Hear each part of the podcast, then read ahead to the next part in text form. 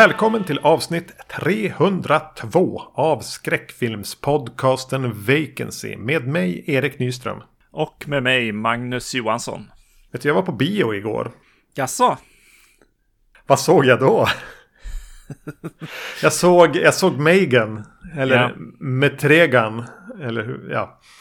Eh, och med liten tanke att jag hade diskuterat med Emil om vi skulle prata om den på Titta de snackar. För han hade sett någon trailer och läst några recensioner och sagt ja men den får ändå bra recensioner. Ja. Ja men kanske, vem vet. Såg den Mm. igår. Det, det jag kan säga om den är att, att göra en temperaturlista. Titta de snackar eh, gimmicken. Alltså jag har ingenting att säga om den. Det finns Nej. ingenting att säga om den filmen. Jag kan inte säga att den var dålig. Jag kan Nej. inte säga att den var bra. Det finns Ja. ingenting mellan, mellan 10 och 1 där. Det var en film. Ja. Jo, jag eh, hänger med ett, med ett gäng och ser på skräckfilm lite då och då. Och eh, i, i chatten med dem så var det någon som hade varit och sett och bara Ja, det här var ju rätt pl- platt. Alltså det finns så... Precis det du säger. Att Ja. det bara, ja det finns... Det var en film. Ja. lite så. På något vis hade någonting fastnat på, på, på duken. På, på, på DVn eller vad fan det nu är eh, skjuten på. Så Ja. jag tvivlar på. Jag, vi kommer inte prata om den på Titta de snackar. Just det. Det blir inget. Det blir inget. Det kanske blir en sån där äh, som eh, det här avsnittet på något sätt är. Mm. en återkoppling till, till lite film som kom medan vi, vi har gjort podden som vi sen inte pratade om. I alla fall inte utförligt.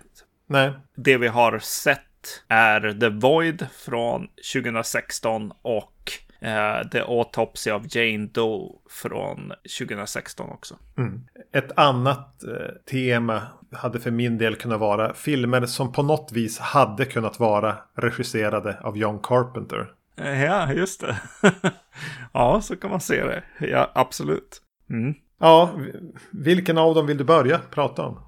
Fi- Finns det en logik här? Eh, The Void har jag aldrig sett förut, men eh, nej, det finns ingen logik. Eh, så The Void såg jag först. Ja, men då kör vi den. Ja, Den är alltså dubbelregisserad. Visst är det, om det inte är bröderna Coen är det alltid lite varning då va? ja. Den är alltså regisserad av några snubbar som heter Jeremy Gillespie och Steven Kostansky. Det låter som en sån nördduo i en collegefilm, high school-film. just det. Ja, Slapp research eh, alla vacancy är då att de har gjort lite på egen hand också. Men framförallt verkar den här Steven Kostansky vara någon som vill regissera skräckfilm. Mm. För han har varit med i ABCs of Death 2, gjort någon episod där. Någon som heter VHS 94. Ja, Jag antar att det är en retrogrej och inte att de är uppe i så många delar av den serien. nej. Yes. Då har du, eh, vem, ja, fan, tiden går fort men så fort går den inte. Och sen har han gjort någonting som heter eh, Leprechaun Returns. Vilket Mm, påminner mig om att det är ju en sån där serie som jag inte tror att jag har sett en enda film i. nej, exakt. Nej, eh, så är det nog. Men eh, jag, tror att deras claim to fame ändå eh, gemensam är väl eh, alltså Manborg och Father's Day är det de har gjort eh, ihop som eh, väl har varit så här, ja men små indie action typ. Ja, äh, inget, har, har du sett någon av dem? Nej, det har jag inte gjort. Jag- Father's Day kanske att det ringer en svag, svag klocka där inne i mörkret. Men eh, Manborg, in, ingenting. Nej, precis. Jag, jag, jag, jag, vet inte vart jag, de har dykt upp liksom. Men eh, nej, jag kommer bara ihåg omslagen när jag såg dem. Att så här, ja, men här är det någon som har fått, fått rita lite huvudrollerna och så här. Den, den är lite så här eh, små, små charmig på det viset. Mm. Mm, Så 2016 fick de då göra eh, The Void som, som jag minns det blev lite en, en halvsnackis då den kom. mm, Eh, alltså så här direkt till videoskräck. Att, ja, men den har någonting, den, den, har en bra idé. Det, det, det är lite Lo- Lovecraft, det är lite Carpenter. Den, den är lite egen, den är inte så färgad av någon trend, bla bla bla. Mm. Lite nästan som att man skulle vilja kalla den för lite, lite retro. ja. Oklart om jag håller med om något av det, men eh, den handlar egentligen, utspelas under en kväll slash natt. Då ett gäng eh, blir, eh, belägrade på ett sjukhus av olika anledningar. Det verkar hända något märkligt i den här lilla byn, samhället, hålan. De är omringade av märkliga sektmedlemmar och inne i sjukhuset verkar någonting ont sjuda. Definitivt någonting övernaturligt. Ja. Mm, så det, det är The Void som hade en poster som var lite tilltalande kanske. Eller om den hör till retrobegreppet med de här tentaklerna och någon triangel. Ja, precis. Mm. Jag vet inte om jag gillar den, men den är distinkt i alla fall. Jag förknippar den väldigt starkt med, med, med den här filmen. Att den yeah. på något vis gör att man tänker på filmen, man kommer ihåg den, bla bla bla. Mm. Men du hade inte sett den här, men hade du någon koll på när den kom här? Var du på något vis medveten om jo. den? Uh, jo, jag har nog sett, uh, jag har sett, jag såg någon trailer då och uh, den här omslaget. Eh, det var väl det som jag fick med mig då. Jag började så här, åh, är det här en film sån här som jag har glömt bort att jag ens har sett? Men det är det inte. Jag tror att det här är Nej. första gången faktiskt. Så på så vis är det väl ett lite misslyckat eh, avsnitt i det här. Att det här ska handla om filmer vi har sett men inte pratat om. Så vi, ja. vi, vi öppnar den här säsongen starkt. Ja, uh, precis. Jag hade sett den. Eh, det här var under tiden då jag var lite halvaktiv i olika Facebookgrupper och sånt där det snackades film och fortfarande på något vis hade lite koll kanske. Mm. Nu, nu är jag helt beroende av antingen dig eller att Emil förser mig med trailers eller posters eller säger oh den här då. Ja just det, precis. Eller att jag råkar kolla bioutbudet och se vad som går då. Jag har ingen koll. Nej, nej inte jag heller. Eh, men jag såg, jag såg den då och eh, var ganska besviken. Mm. Men alla kan väl ju ha en dålig dag, kväll, eh, ja. så när man ser en film att man inte var på rätt humör. Så den har ändå hängt kvar. Tänkte men det, det skulle vara kul att se om den. Och vad passar då bättre än att eh, dra in den i ett eh, avsnitt? Mm. Eh, det är en film som börjar direkt. Eh, det är, det är eh, två, två personer som flyr ur ett hus som, som man kanske får en liten känsla av är någon slags sekttillhåll för det är ritat en, en svart triangel på dörren när de springer ut.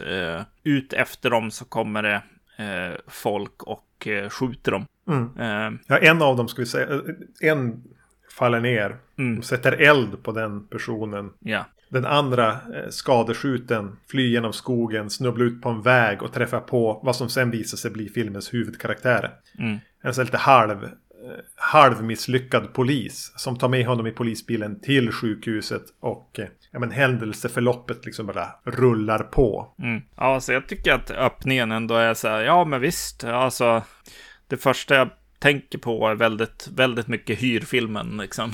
att så ja. ja, nu hyrde vi en skräckis och det blev det här liksom. Och, och mm. som det så tycker jag att den, den öppnar rätt bra och när de tänder på på den här kvinnan eh, och det står ett så här lakanspöke med den här svarta triangeln i ansiktet. Eh, står och tittar på mm. medan det här händer. Det, det, det lockar väl in i att säga, ja men det här kanske kan bli något.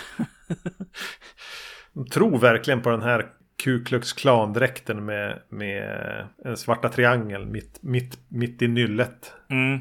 De är väldigt förtjusta i dess coolhet. De här herrarna Gillespie, Kostansky. Ja, och där är jag bara lite så här, åh, jag vill in och, och göra lite feedback och så här, ja, men lite, lite större triangel kanske. Och, alltså lite sådana grejer. Att så bara, ja, men kan, kan inte triangel vara typ ett hål istället för påsydd lapp och så. här, Men eh, ja, Precis. jo, de gillar den verkligen. För mycket av de här visuella greppen i filmen är ju hur de, den här eh, vad ska man kalla, kåpmännen står eh, runt sjukhuset och uppenbarligen har omringat det. Och de står med någon, med någon ceremoniell dolk ibland. Mm. Det är mycket det. Ja, precis. Och, och alltså jag menar, ja, det påminner ju om Night of the Living Dead-bilder och, och den får ju en nod här i början också. De, på sjukhuset så sitter de och tittar på den. Mm. Och även Assault on Precinct 13 såklart. Just det. Night of the Living Dead är eh, en väldigt konstig klippning av den som, som de visar. Eh, det är ja. så jobbigt när man har så här favorit. Det är lite favoritfilmer som visas och så bara, vänta, nej. De här scenerna är liksom en halvtimme mellan varandra och den här scenen var en minut lång eller mindre liksom. Men, men.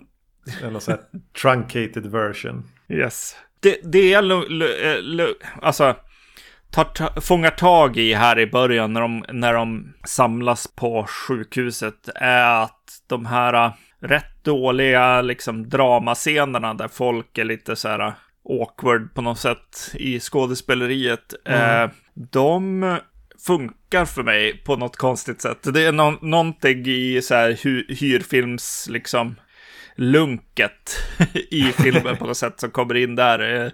Det känns som jag ser på Children of the Corn, vad det kan vara, fyra, fem, någonting liksom mitt i serien någonstans. Det, det, det är nice. Eh, men sen så börjar konstiga saker hända och där får jag lite mer, mindre confidence i filmen. För det är väl i sådana scener när det blir läskigt som de här hyrfilmerna ska ska ta ett steg upp från det här, ja. liksom lunket. Men eh, det är en scen där eh, en kvinna så här, ja men hon mördar någon på sjukhuset och har stuckit in liksom någon, något, eh, jag vet inte, en penna eller något en i penna, ögat. precis. Ja. Eh, ögat på någon och, och det är ju lite läskigt. Men sen så har de så klipper de till, till eh, hennes ansikte och hon ska börja så här klippa i det och vara creepy och liksom säga läskiga Hellraiser-grejer liksom.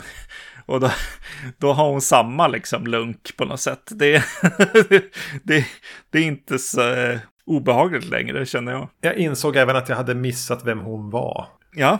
Hon, hon hade nog så glidit igenom det här lunket. Ja, just det. Jag tänkte, jaha, det här är... Vad då ska det här vara den som huvudpersonen har en relation till eller en tidigare relation till? Liksom hans exfru slash kanske in divorce fru. Ja. Men det var det ju inte. Så, ja, jag hade, jag hade missat henne. Ja. Vilket gjorde att den scenen blev förvirrande. När jag inte förstod vem det var. De var tvungna att skjuta där. Ja, precis. Ja, men jag måste bara komma dit. För det, jag tycker att den här filmen är en ganska schysst idé. Mm. Och vi kan väl återkomma till vad den idén är. Men det är lite sorgligt när jag kan bara känner att de två stora problemen med den är ett, manus, två, regi. Ja. Då börjar man undra vad som är kvar va? ja, exakt. för, för, för de har haft en del idéer och influenser och de har haft en del design och upplägget med liksom att den utspelas på det här belägrade sjukhuset. Ett sjukhus som dessutom är brandhärjat, tror jag. Det var en brand där. Mm. Så de har stängt ner stora delar av det. Håller på att packa ner det för att evakuera och flytta hela sjukhuset om de ska riva, renovera eller vad det nu är. Det är också en ganska bra detalj, skapa en viss stämning. Plus att det är en liten så här kittlande grej att bara okej, okay, de fick låna en del av ett sjukhus när de spelade in så de var tvungna att vara lite kreativa. Mm. Så de har de där små kittlande detaljerna. Men problemet, det genomgående problemet är att så många scener är så röriga och spretiga. Så de har inte lyckats hitta någon ton i skådespeleriet. Mm. Och ju mer intensivt och ju mer skräck det ska bli, eller en actionscen, så blir det fort otroligt rörigt och karaktärerna beter sig. Jag förstår aldrig varför någon helt plötsligt börjar skrika eller vad händer där och geografin är helt jävla off. Vilket ju får det att kännas väldigt, väldigt amatörafton. Men samtidigt med en liten aura av att vara genomtänkt och professionell. Mm. Så det, blir, det här känns lite grann som att, som att ja, men vi får ett gig nästa helg Magnus. Vi ska, vi ska regissera en film. Ja. Släng ihop något. Ni har säkert några bra idéer. Ni har ett par hyggliga skådisar här. Ja, precis. Mm. Jag tycker det känns, det känns så, så, så oerfaret på så många nivåer. Ja. I, vad gäller just vad regissör, ja men Gillespie Kostanski här ska ta med till brädet. Mm. Det är de som, som fumlar. Ja, verkligen. Jo, men exakt. Och, och jag menar, de, de stiger ju fram i ringen, upp i ringen liksom med eh, både The Thing och Hellraiser-filmerna eh, ja. på något sätt. Eh, och eh, när, när den här stegringen helt plötsligt kommer och det blir lite så här The Thing-monster eller Lovecraft-monster liksom, då tappar jag lite intresset. ja, ja, det, ja, det är verkligen, ja men om du ska göra det här, då, då är det ju lika bra att se The Thing eller In the Mouth of Madness eller, eh, ja. Men jag blir så förvånad. Stranger Things. ja, för, för all del. att, att det kommer så tidigt. Ja. Alltså den här scenen när hon har huggit den här pennan i ögat på, på och, och står och skär sig i ansiktet. Och, eh, och sen ganska kort därefter så får vi en så här katt. Ja, man tänker okej, okay, hon fick en psykos, hon flippade, vadå, vad beror det på? Finns det ett mystik? Var det som någon sa att någon gav henne den här personen de har tagit in som är skadad. Mm. Ja men det är ju en pundare. Ja. Gav han henne någonting? Vi får aldrig vara i det. Nej. Vi får aldrig fundera för det kommer bara en cutaway-scen som är som någonting från uh, The Thing-remaken. Ja. Där hon håller på att förvandlas till någonting. Det är tentakler och ben som kommer ut ur armhålen eller vad fan det nu är. Eh, alldeles, alldeles för tidigt. Mm. Så det finns ju aldrig någon sån här kittlande mystik i vad, vad är det som händer i natten? Vad är det varför är de här personerna här? Varför omringas sjukhuset? Ja. Det kanske du kan svara på förresten. Varför omringas sjukhuset av de här? Ja, alltså det måste ju vara han som har flytt eh, helt enkelt som de ska ha åt igen. Jag, jag vet inte. Fast men det blir vi, inte det heller. För det blir nej, men va, vad vill de? För, för de som jagade och brände upp, visst är det de som stormar in där sen? De här som känns som far son, som bara gapar hela tiden och skriker. Ja, just det. Så är det ja. ja, det är märkligt alltså. Ja, ja. Ja, alltså jag, ja precis. Nej, men jag, jag, jag, jag vill verkligen, jag, jag sätter mig och verkligen så här fokusera på att jo, men så här var filmer också. Alltså det var liksom hyrfilmslasket, liksom eh, Mindripper mm, och, mm. och någon sån här uh, Wishmaster-rulle också. Och så här. Låt, låt, låt, låt, dem, låt dem vara lite mange, mange Sänk garden. Ja, nej, men jag var, jag, jag, var väl där också, det kan jag väl säga mm. redan nu att, att de här två filmerna, den här och The Autopsy of Jane Doe, det är ju ingen dum filmkväll på ett sätt. Nej. Framförallt så väcker den lite så här som du säger. Det känns lite 94. Ja, precis. Och jag börjar tänka så här, Åh, oh, har vi pratat om det un unnameable på, på podden? jag, får lite sådana så här. Ja, och det är väl där de, är det där de vill vara? Att det ska kännas som det. Som ja. något, jag antar att de här är i våran ålder, kanske lite yngre, förmodligen yngre, alla är yngre än oss. Ja. Eh, att, att de vill väcka till liv någon film de hyrde som egentligen inte finns. Mm. Men är inte skillnaden att den som regisserade den här filmen de ingen minns att man hyrde från 89 var regisserad av en regissör som hade gått en utbildning och som visste hur man iscensatte. Som visste hur man konstruerade ett manus så det faktiskt har en rimlig pacing. Som inte bara kastar saker till höger och vänster. Mm. Och gör att jag inte riktigt lyckas etablera en eh, engagemang i någon karaktär. Nej, alltså det är så jobbigt att, att vi inte, att det här inte är ett commentary track. För helt plötsligt så fick jag ju lösningen på, på gåtan på något sätt. Eh, när jag satt och tittade, jag bara, alltså gud vad konstigt. Det känns lite grann som den här eh, filmen från året innan. Eh, så kom det en film som heter Har, eh, Har, Harbringer Down. Som var en crowdfundad film gjord av VF, alltså visual effects folk. Som eh, ville slå ett slag för praktiska eh, effekter. Just ja. Mm. Och eh, med Lance Hendrickson eh, hade de fått med sig. Och jag hela tiden kände att den här påminde väldigt mycket om den filmen. Och började misstänka att så här, oj, det här är nog gjort av, av sådana som, som är VFX-are. Eh, eh VFX-folk. Och det är det ju. det är ju regisserat av det. Och det är crowd, crowdfundat också. Så de har ju väldigt mycket gemensamt eh, på något sätt. Att så här, ja, eh, fokusera, vart lägger vi pengarna? Eh, specialeffekterna, mm. inte på manus, inte på no något annat. Definitivt inte regi, för det vill vi göra själva. Eh, nu när vi får pengarna. Och så sen eh, kanske något, något litet namn liksom. Eh, och det tycker jag man ser i den här också, att så här, ja, men när, det, när det kommer in eh, någon som har skådespelat förut, liksom, så, så händer det ju någonting i alla fall. Alltså det blir ju så här, eh, mycket, eh, åtminstone stabila eh, Hallmark-skådespelet eh, från, vad heter han, Art eh, Hindle, eller vad han heter, från Black eh, Christmas. Mm, som kommer som in här. Grånad polis. Ja, exakt. Eller Kenneth Welsh, alltså Windham Earl. Ja, exakt. De kommer in och bara, ja men jag får väl jag får väl skådespela.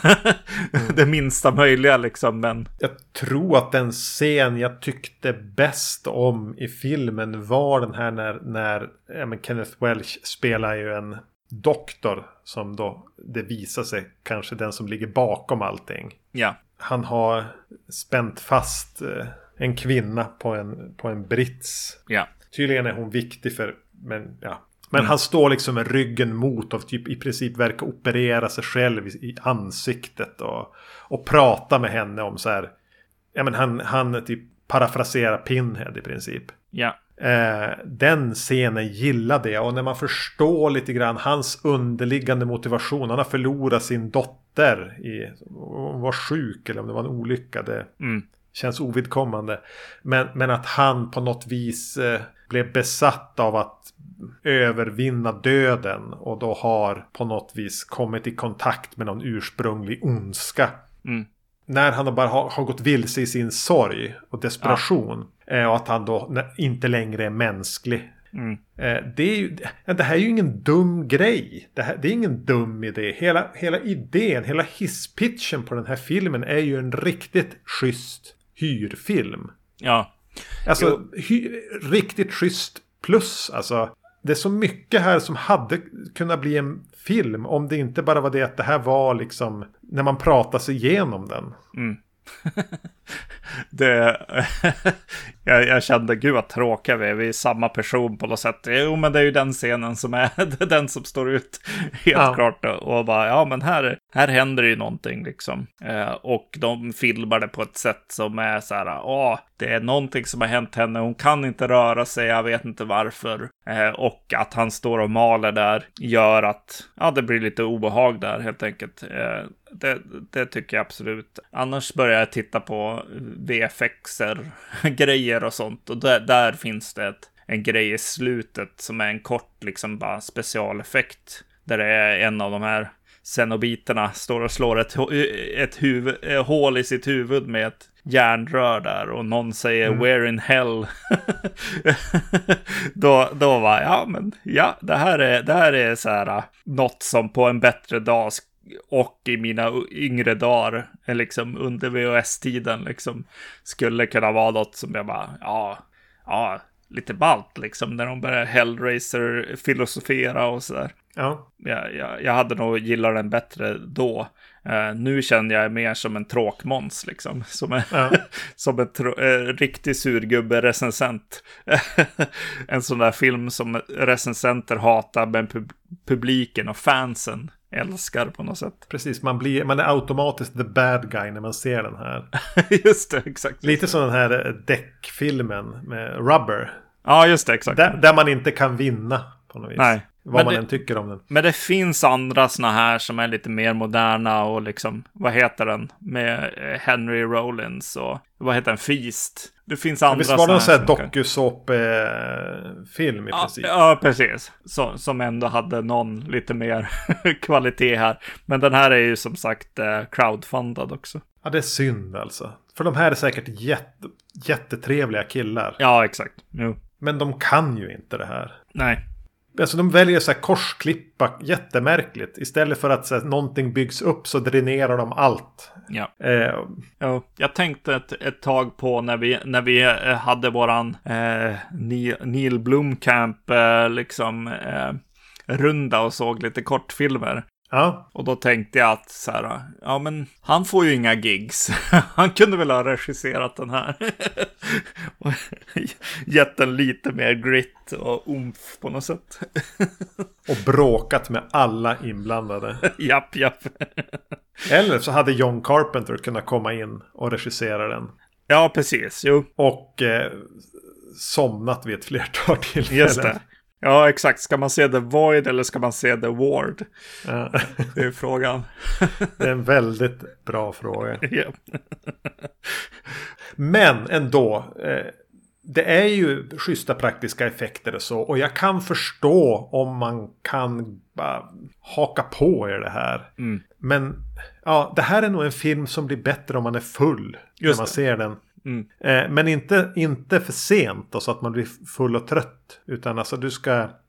Eh, en film för de som dricker på dagen. Ja. ja, jag vet inte. Men, men för den, den, blir ju, den blir ju trist. Men kan man sänka garden, vilket vi inte kan, för vi är två surgubbar. Mm. Eh, ja, ja, det funkar ju inte. Nej, nej. Ja, det är synd. Vi får se om vi kan sänka garden nu när vi kommer till The Autopsy of Jane Doe. Från samma år. André Overdal. Eller? Ja. Hur, va, det, där, det där norska o med ett streck igenom, är det Övredal? Öv? Övredal kanske jag. Bara rakt av. Visst är det han som gjorde Trolljägaren? Jägaren? Ja, Mm. exakt. Han, vill, han fick för sig att han ville göra en skräckfilm. I extra materialet eh, till den här och i, som är bara en intervju så här efter, efter filmen. Precis som den jag var på när jag såg, såg den här filmen första gången så var han där faktiskt. Ja. Ja, han sa typ, ja, jag, hade, jag såg The Conjuring. och tyckte att jävlar alltså, man kan bara göra en klassisk liksom skräckfilm. Kan, kan ni fixa mig ett bra manus? ja. Så han, han fick göra den här filmen helt enkelt. Och det var han väldigt glad över eftersom att den var helt olika från Trolljägaren såklart. Ja, verkligen. Men, men vadå, det, du såg den här under något lite mer speciellt, speciella omständigheter? Ja, precis, exakt. Det här, Så- kan, det här kan vi redan ha pratat om på podden. Men Ja, det har vi, har vi gjort.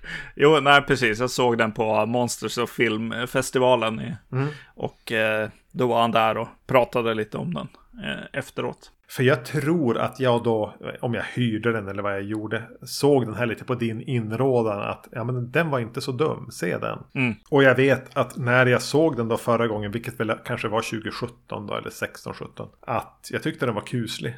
Ja, det är mitt minne av den också. Det var en sån här, åh nej, ska vi se den här filmen igen?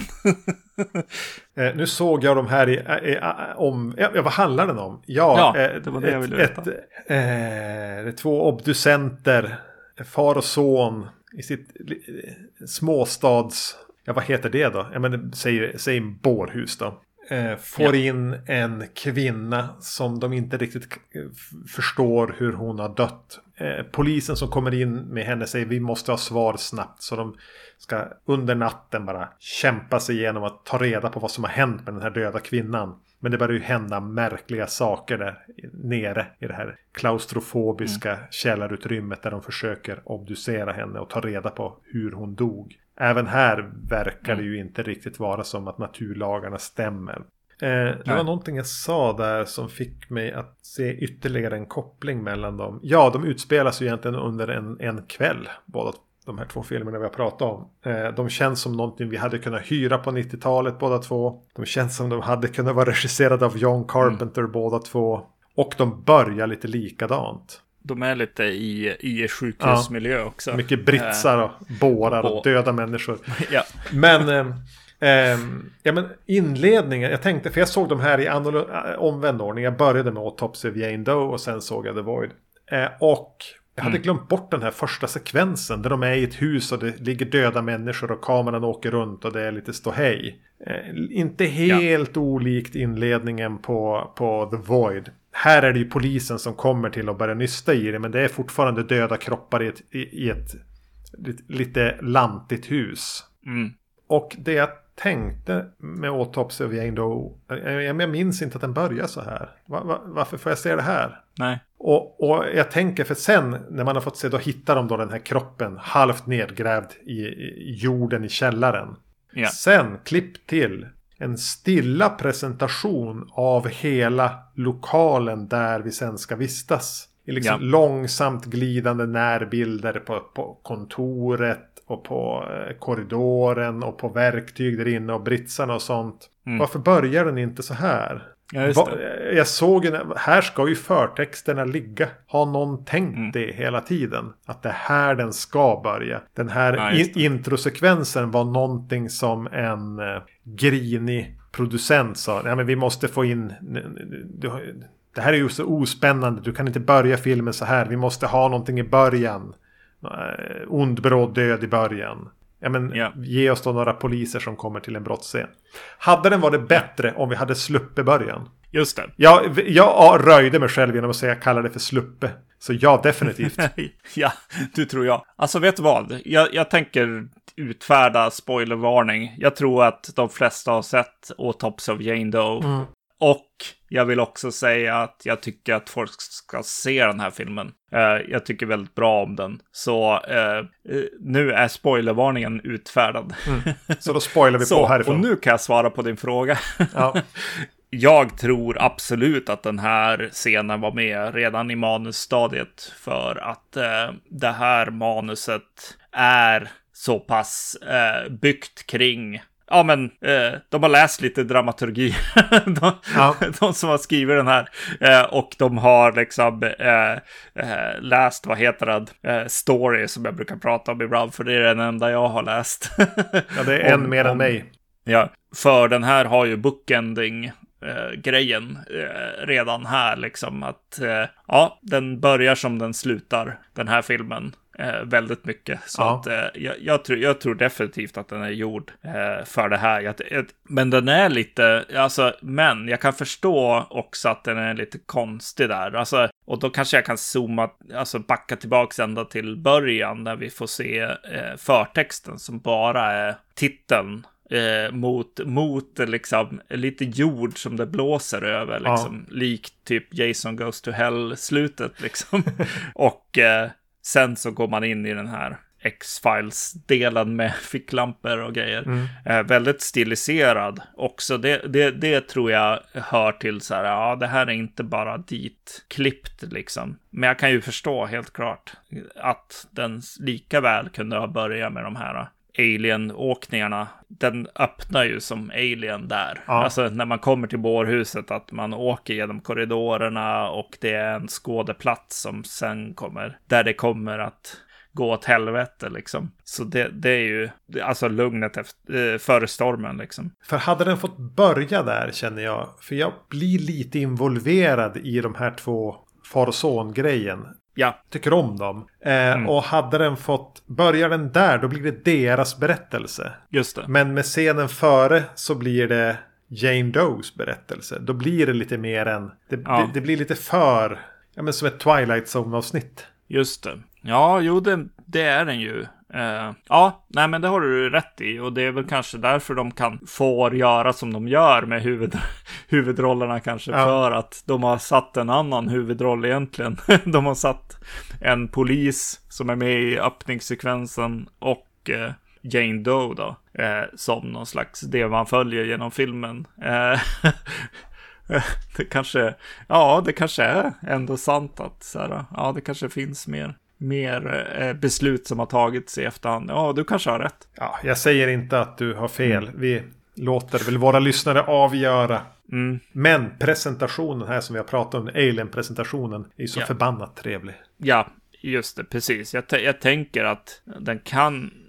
Jag tänkte ett tag så här, ja, det här kan inte, kanske inte alla gillar. Men jag, jag var bara, uh, börja mysa liksom. Mm. Den är ju väldigt stiliserad. Alltså det är ju det som jag tänker på mest att så här, ja, okej, okay, det här är väldigt set, setup liksom. Hela, hela filmen är, är noga eh, genomarbetad i förhand liksom. Storyboardad. Ja. Och eh, det är jävligt trevligt ibland.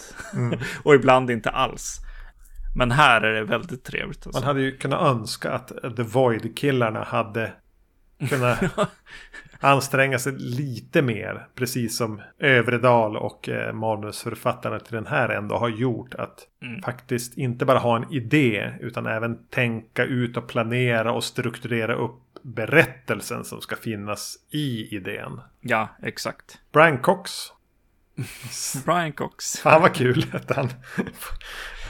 ja. Eh, det är någonting med hela hans uppsyn och hans, alltså just det här halvrunda, stort ansikte, gubb-pondus skådespeleriet är väl han eh, så otroligt bra på. Mm. Han måste ju ha varit gubbe sen mitten av 80-talet. ja. Ja. Eh, och det är, han kan eh, med så liten ansträngning ge en pon den pondus som den här karaktären behöver. Han mm. jobbar inte ihjäl sig här, men han jobbar precis tillräckligt. Mm och fokuserar väldigt mycket på att vara rätt rätt för den här pappan, alltså den här pappan helt Mm. enkelt. Han gör en, en redig ansträngning på något sätt att, att eh, djupdyka i karaktären och han, han lämnar inte bara som, åh jag, jag tar pengarna på något sätt, utan det känns som att han jobbar här och tycker om e Emil Hirsch Mm. som spelar hans son och anstränger sig för att göra det på något sätt. Det hade gått att stryka inledningen och lägga de minuterna på att utveckla far-son-relationen. Deras relation här. Och låta den Mm. vara lite mer om det. Ja. Men jag vet inte om den hade blivit bättre då. För jag kan inte sånt här. Nej, Nej jag, ty jag tycker att vad heter det, de, det de gör med den också, för det finns en, liksom en sorg efter mamman Ja. eh, eh, här också, som, som ligger där. Eh, och det är ju jättelätt att skriva en pappa som inte finns där riktigt fullt ut i Mm. den sorgen. Det har de inte gjort här, utan det, det finns ett vi jobbar på vårat, eh, liksom, eh, våran relation. Vi kanske inte pratar alldeles för mycket tyvärr om, om, vi har någonting osagt helt klart, men vi funkar bra ihop liksom. De har ju ett bra eh, förhållande kanske innan också. Eh, hon gick bort. Eh, men det hade varit väldigt enkelt att, skriva den här på en helt annan, annat sätt. Den undviker ändå uppenbara klichéerna. Ja, precis. Jo. Eh, ja, men, och, den får visa upp lite olika eh, praktiska effekt. Eh, latexlik och så. Mm. På ett behagligt kliniskt vis. Som ska han, försöker ju lära upp sin son. Men sonen har den här flickvännen och ja men vad vill han? Var, vars ligger hans lojalitet? Eller vill han det här? Vill han vara ung och, och kåt? Eller vill han vara som pappa och lukta formaldehyd och skära i lik? Eh, det är tillräckligt väl utvecklat.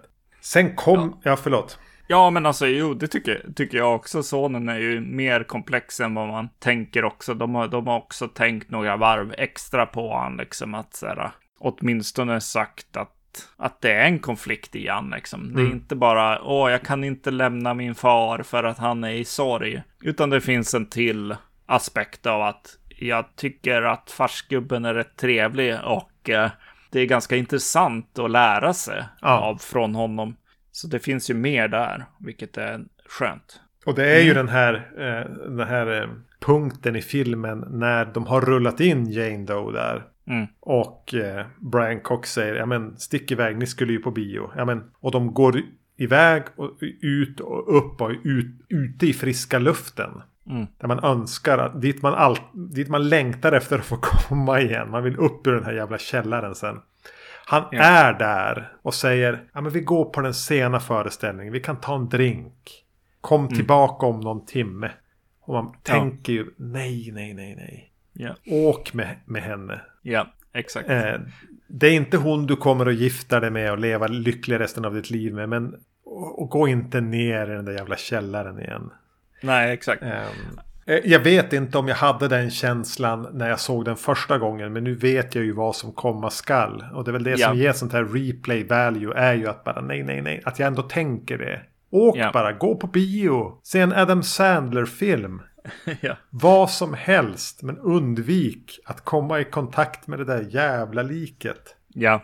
Det blir en klassisk skräckfilmsupplevelse med nej, gå inte upp för trappen. Nej, Ja. nej, nej, gå inte in där. Nej, nej, nej, titta inte upp i, på vinden liksom. Mm. Men, eh, men eh, på ett kanske lite mer huma, m- ja, mänskligt sätt. Jag vet inte.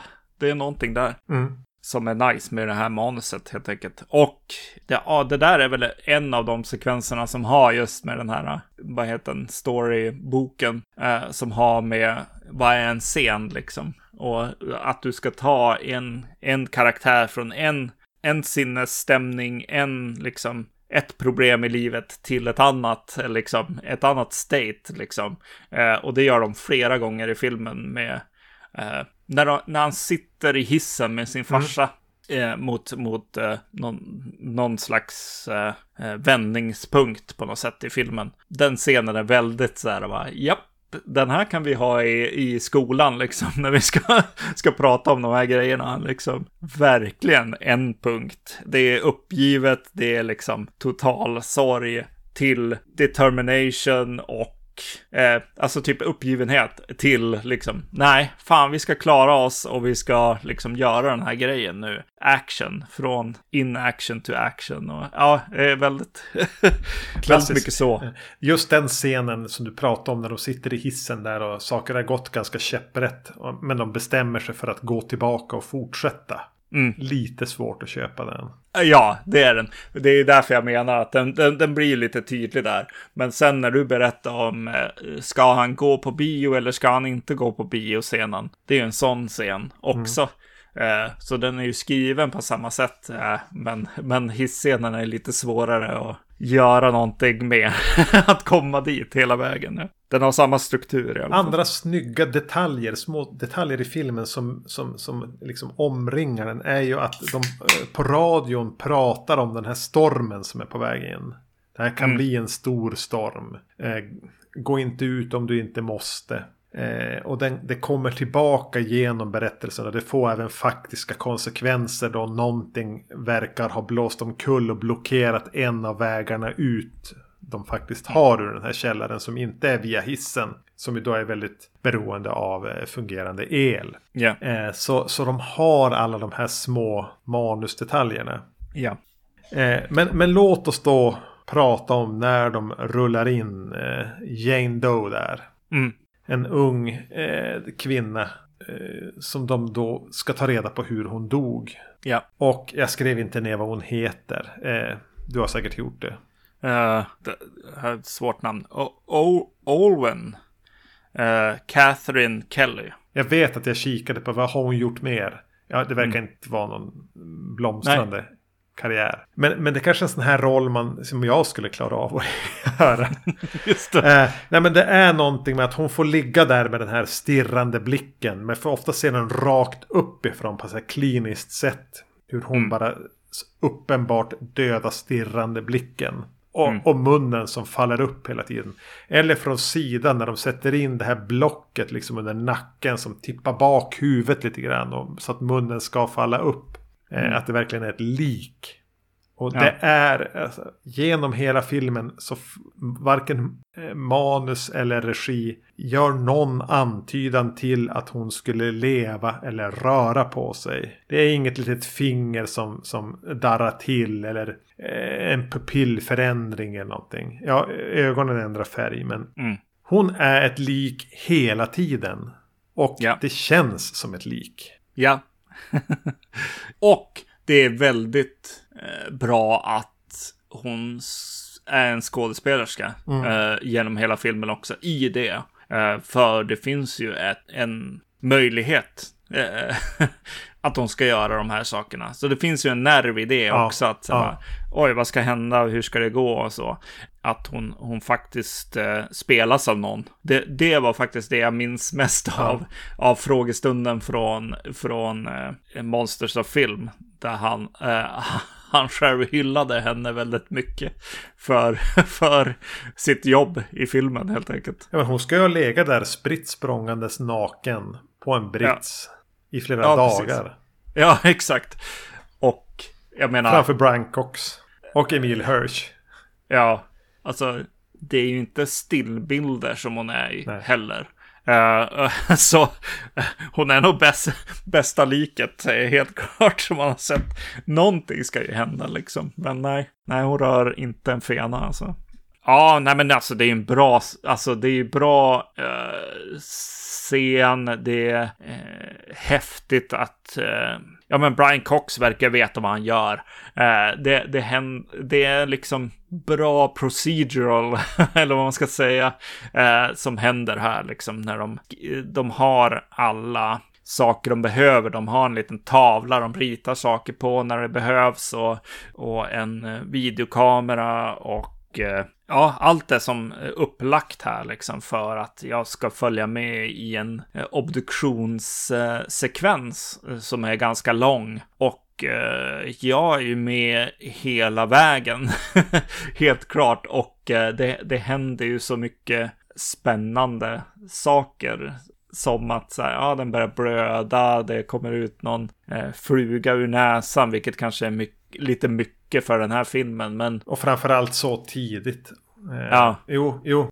Det, jo, precis. Det kunde de kanske ha skippat, men... Eh, och sen då när det väl öppnas upp och blir ett mysterium i sig, själva autopsin här. Det är ju, ja, jag, jag gillar det verkligen. Mm.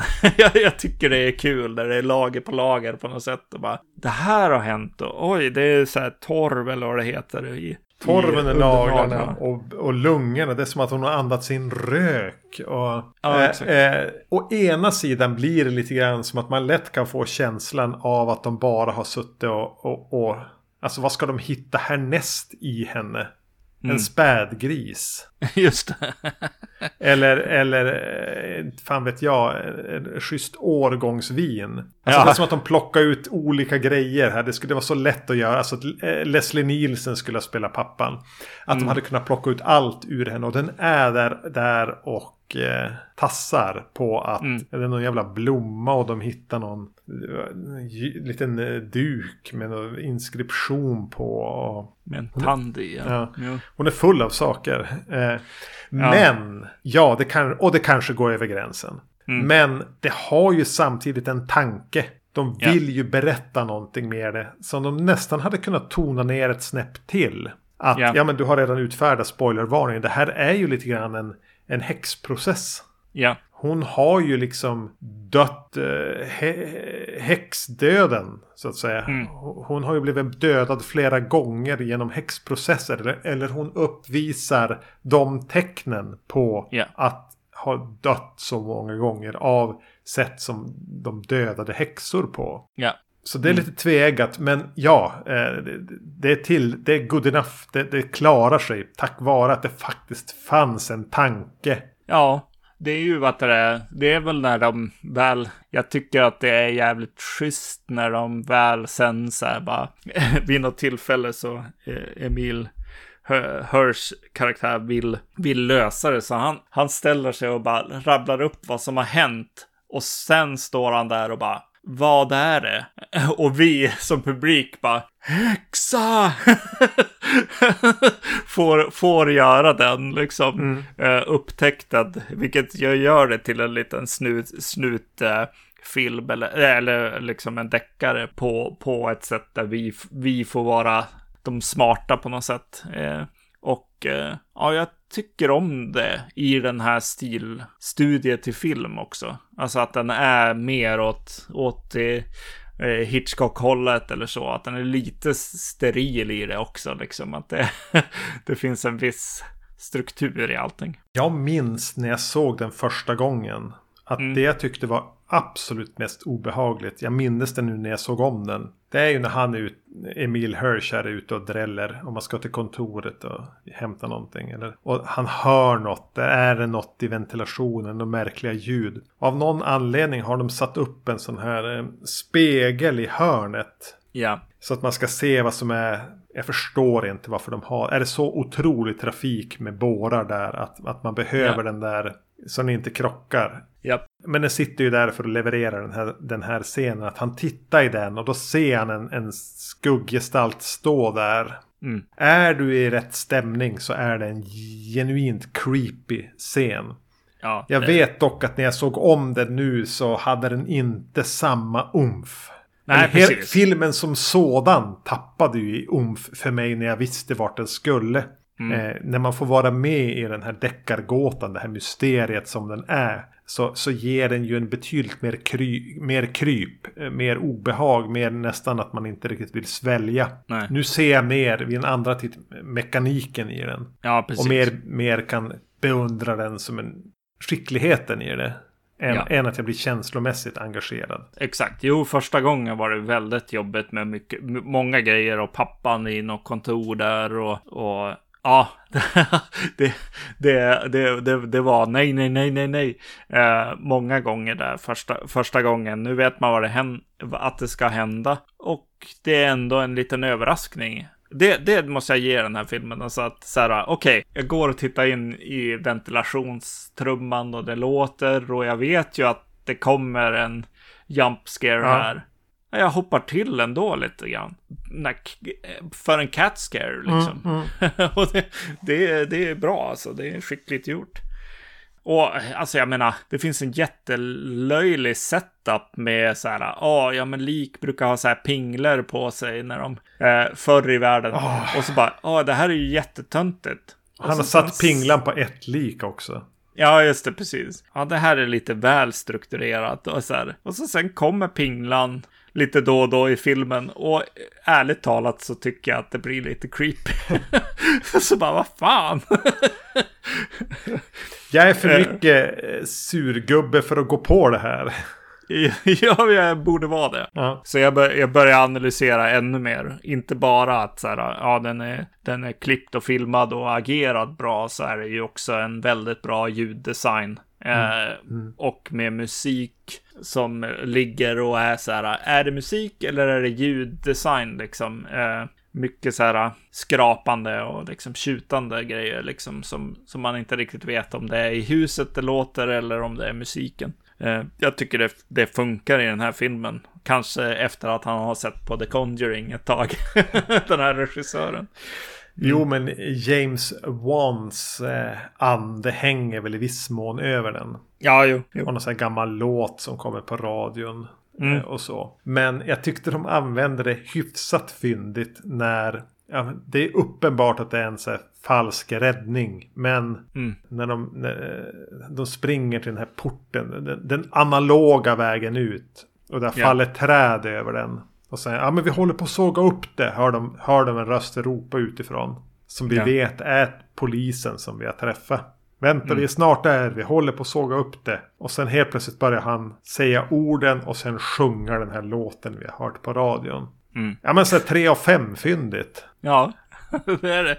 Ja. Men väldigt James Wannigt. Mm. Nej, men alltså i allmänhet så känner jag bara att så här, ja men om du lägger lite arbete på historien, förarbete liksom och läser en dra dramaturgibok liksom, eh, så kan du komma rätt långt och, och kanske, kanske att jag ger den här studien liksom eh, lite extra push efter The Void som, som inte hade gjort de här övningarna och Precis. inte hade gjort en second draft eller till och med en third draft. Uh, det, det som jag tyckte var så här lite, som jag tyckte var lite så här, ja men här har de, här har de varit lite för rädda och det är ju att så här, ja men när det väl kommer till att det är en häxa. Och så bara, men en häxa kan vi, vi kan ju inte säga att, vi kan ju inte ta historien från så här Salem och säga att så här bara, nej men det var, det var ju häxor, de, de skulle ju ha brunnit liksom, det kan inte vara vårat, eh, våran liksom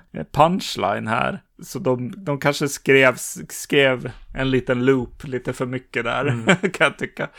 Ja men, ja, just scenen när typ Brian Cox säger Men ja, bla bla bla Take me. Alltså det blir som eh, Exorcisten-scenen där och helt plötsligt så går hans eh, fotleder sönder och, och så backar de på det sen. Ja, ja. ja, ja.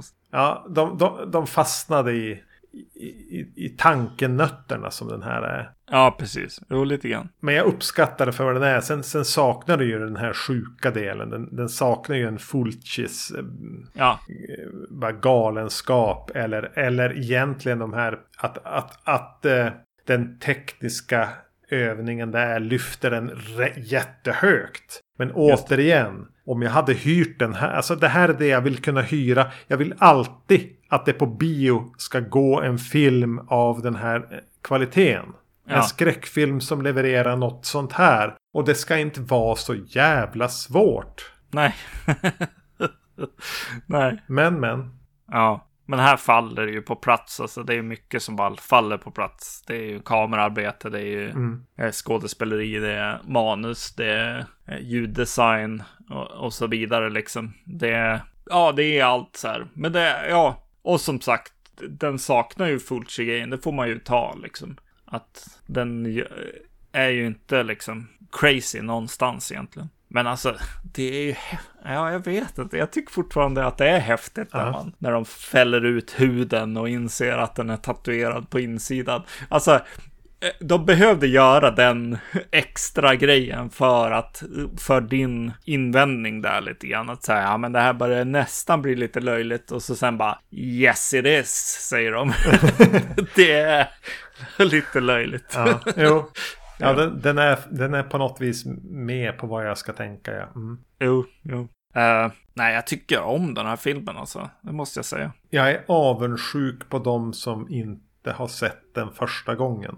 För jag minns att min första titt av den var ju genuint rädd. Mm. Nu visste jag ju hela tiden att den skulle leda upp mot den här häxplotten. Men ja, jo. Ja, precis. Och där hade den väl mer sån här, nej nu kommer ju det här, nu kommer det här, nu kommer det här. Och så hoppar jag till lite. Mm. Eh, fortfarande. Eh, så, så det hände mig i alla fall. Eh, så även om, om jag visste så var det, ja men de hade räknat rätt sekunder till att eh, jumpscaren skulle komma och sådär. Mm. Fan vad elakt det här avsnittet börjar kännas mot de här Gillespie och vad han nu hette. Det känns mest som att vi släpade upp de två filmerna mot varandra för att kunna tala om för dem hur dåliga de är på att skriva och på att regissera. Ja. När den här filmen, när Jane Doe, eller Ö Övredal, är så mycket bättre på det. Och att manuset här faktiskt är ett manus. Och inte bara post-it-lappar. Nej, alltså, ja men vi, vi, håller den väl i minnet då, The, The Void, för att jag, jag gissar ju att eh, om vi tar oss an Hellraiser, eh, vilket det lutar mot att det kommer snart, då kommer vi nog se att, oj, se The Void istället. Så det, det, tror jag att det kommer hända när vi har börjat se några av de där senare filmerna. Men om jag då ska skicka med en rekommendation halvärst. Både till mm. dig och kanske till våra lyssnare. Så är det en film jag såg, jag tror det var förra sommaren. Mm. När jag fick för mig att beta av så här, slaskskräck som dök upp både på Netflix och på eh, Amazon Prime. Så fladdrade det förbi någon, någon bagatell som heter The Possession of Hannah Grace. Ja, okej. Okay. Eh, och den har vissa beröringspunkter med eh, Jane Doe. Det kommer in återigen där någon, någon så här natt vakt på, på eh, bårhuset. Och en exorcism har skett kanske. Och ja, ja, det är en, det är en mindre genomarbetad och en lågbudgetversion och, och mycket utfyllnad. Men fan om den inte hade någonting som var lite creepy. Mm, just det. Ja. Så The Possession of Hannah Grace. Ja. Och jag är beredd att ta all skit jag får för att ha rekommenderat den. Jag står, jag står för det nu, kanske inte sen. Ja. Eh, vet vi någonting om nästa avsnitt? Nej, knappt mm. va? Ska vi låta det vara så bara? Ja, eller ska vi... Ska vi köra det där då? Ja, det kan vi väl göra. Jag håller upp uh, The Man Who Fell to Earth uh, med David Bowie. Ja. Uh, och vad ska vi se med den? till Bowie-film The Hunger. Just det, då gör vi det. Det låter jättebra. Yes. Ja, ni vet var ni kan hitta oss eh, vad gäller kommunikationsvägar. Men om ni inte vet det så är eh, podcast at vacancy.se vägen att gå om man gillar e-post. Mm. Man kan annars leta upp oss på eh, Facebook. Mm. Eller skicka ett meddelande till antingen mig då på Instagram. Jag heter Erknym. Och jag heter Zombie-Magnus. I övrigt så är vi ju naturligtvis tacksamma för all form av positiv eller negativ feedback som ni kan ge oss på ja, men exempelvis iTunes eller andra podcastleverantörer. Ja, Spotify mm. exempelvis. Jag glömmer det hela tiden. Just det. Mm, ja, men eh, tack för att ni lyssnade. Ja, tack, tack. Ha det bra. Hej. Hej.